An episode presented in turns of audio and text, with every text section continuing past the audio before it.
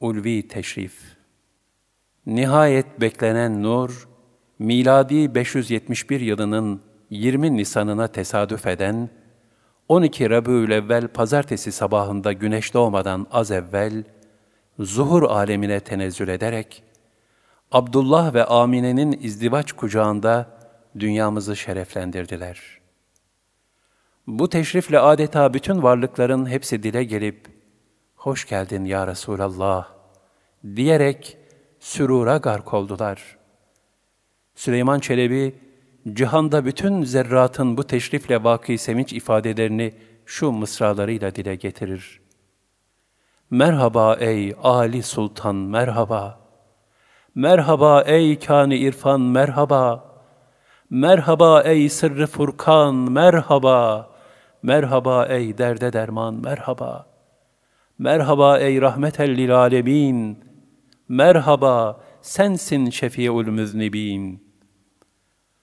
Onun zuhuruyla Allah'ın rahmeti bu alemde coşup taştı. Sabahlar ve akşamlar renk değiştirdi. Duygular derinleşti. Sözler, sohbetler, lezzetler enginleşti.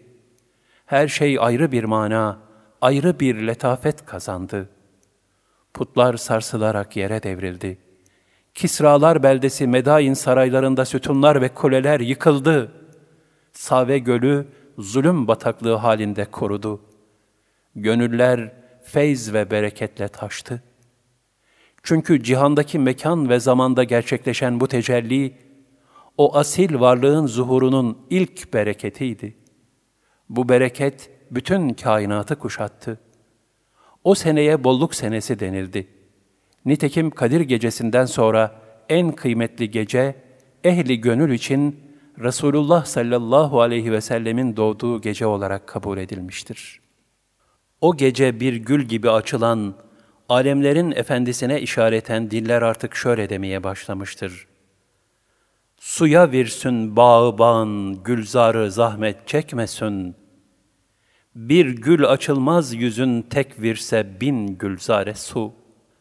Bahçıvan gül bahçesini sulamak için boş yere zahmet çekmesin.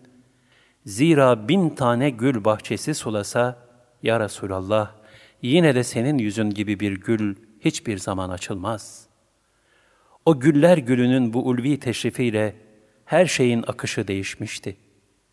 Rahmet tecellileri inci taneleri gibi kainata serpilmiş ve nura hasret çeken gönüller sürura gark olmuştu.''